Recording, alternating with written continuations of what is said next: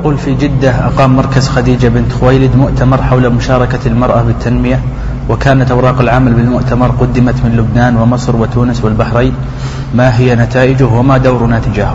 الله المستعان. هذا ما أشرت أولا عاش خديجة بنت خويلد رضي الله تعالى عنها.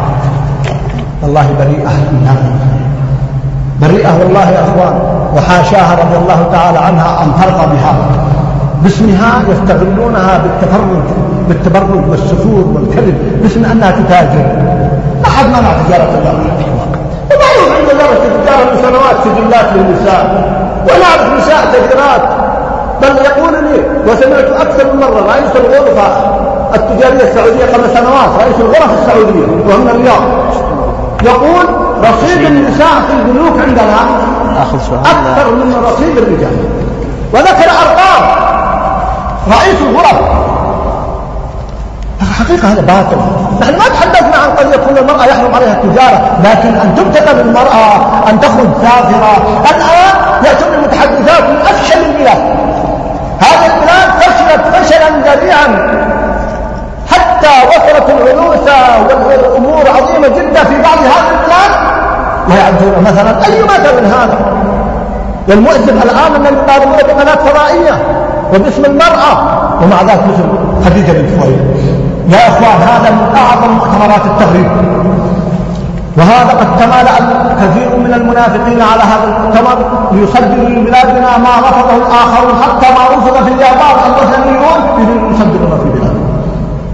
هنا أقول أين مسؤوليتكم أين التواصل مع ولاة الأمور هو مؤتمر غير رسمي أيها الأخوة أين الرجال أين النساء أين الغير على أعراضنا يأتون بشخص لطلاب العلم وهو والله ليس من طلاب العلم أقسم بالله.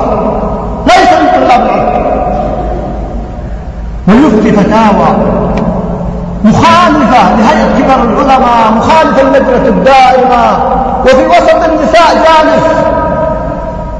يقول ما ليس في القرآن دليل على منع قيادة المرأة بالسيارة هذا واحد من طلاب العلم يقول هذا الكلام. معقول يا أسف حقيقة والله. فحتى مرة يحدثني شخص وذكرته في محاضرة قريبا قبل 20 سنة يقول فلان طبعا شخص ليس من بلادنا ليس من بلادنا وهلك هذا الرجل. قال لا يشرب الخمر أبدا لكنه يستخدم الحشيش. فقلت ليش؟ قال الخمر موجود في القرآن الحشيش ما هو موجود في القرآن فما في حرام نعم مع كل أسف يعني هذا موجود عقول مقلوبة منكوسة والعياذ الله منفوس فيأتي أناس لهذا المؤتمر مؤتمر بؤرة فساد لا في مظهره ولا في قراباته ولا في توقيته ولا في مشاركه يجب أن نتقي الله. ماذا يراد بأبنائنا ماذا يراد ببناتنا؟ وينسب لصحابية ينسب لأم المؤمنين. خديجة بنت خويلد رضي الله تعالى عنها. حاشاها والله من ذلك. أين الغيرة؟ عليها.